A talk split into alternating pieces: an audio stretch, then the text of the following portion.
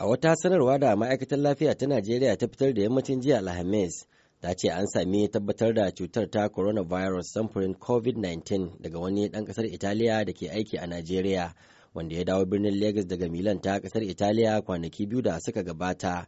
Sanarwar ta ce an tabbatar da cutar ne a ɗakin bincike da gwaje-gwaje na asibitin koyarwa ta jami'ar Legas yayin da mara lafiyar kuma ake ci gaba da bashi kyakkyawar kulawa ta musamman a asibitin cutuka masu yaɗuwa ta Yaba. To amma sanarwar bata bayyana sunan mutumin da kuma ko daga ina aka fara gano alamar cutar a gare shi ba ko kuma wuraren da ya tafi kafin gano shi da cutar. To sai dai kuma ministan lafiya na ƙasar Dr. Wasagi Ihanire ya faɗa a sanarwar cewa gwamnati na ƙarfafa ɗaukar matakan magance yaduwar cutar a ƙasar da kuma gaggauta matakin ɗaukar bullarta a ko da yaushe. Sanarwar ta ce an kafa wata runduna ta yaƙi da cutar ta coronavirus a ƙarƙashin jagorancin cibiyar kula da ɓarkewar cutuka ta ƙasar NCDC wacce kuma za ta yi aiki tare da asibitin ta Legas domin tsayar da cutar. Ƙoƙarin jin ta bakin gwamnatin ƙasar akan lamarin bai yi nasara ba sakamakon yanayin dare, to amma na zanta da ƙwararren likita a fannin kare cutuka masu yaɗuwa Dr. Musa Yahaya da yanzu haka yake karatun digirinsa na uku a nan Amurka. Kaga kamar yadda cutar nan take ta yaɗuwa a ƙasashe daban-daban musamman ita ƙasar Italiya din da yake an samu bullar wannan cuta da kuma rashe-rashen rayuka a wannan kasa. To yana iya yiwuwa mutumin nan ya ɗauko cutar ne daga can ya kuma shigo da ita Najeriya.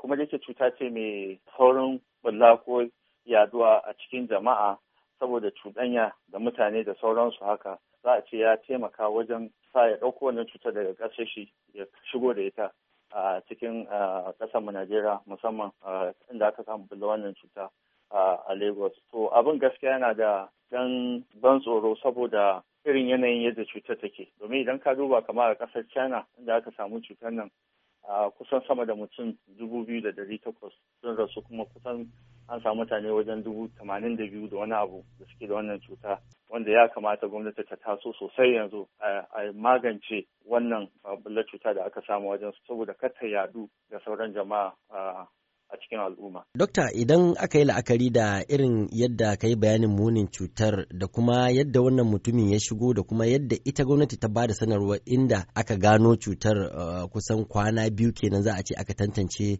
wani irin kenan barazana za a iya ce wannan abin zai iya haifarwa ga 'yan Najeriya. To da yake kaga ita wannan cuta takan alamunta yakan kasance uh, daga kwana biyu har zuwa kwana ashirin da huɗu fiye ma da haka wasu wurare har kwana ashirin da bakwai. To ya yiwu mutumin nan da ya shigo alamun ba su fara bayyana ba a lokacin da ya shigo sai bayan kwana biyun nan. To matsalar shi ne ya yiwu cikin waɗannan lokutan kwana biyun nan kafin a samu wannan cuta akwai mutane da yawa da ya cuɗanya da su kila gaisa da su da sauransu haka. Su waɗannan mutanen za su iya kamuwa da wannan cuta su kuma suna iya yaɗawa ga waɗansu.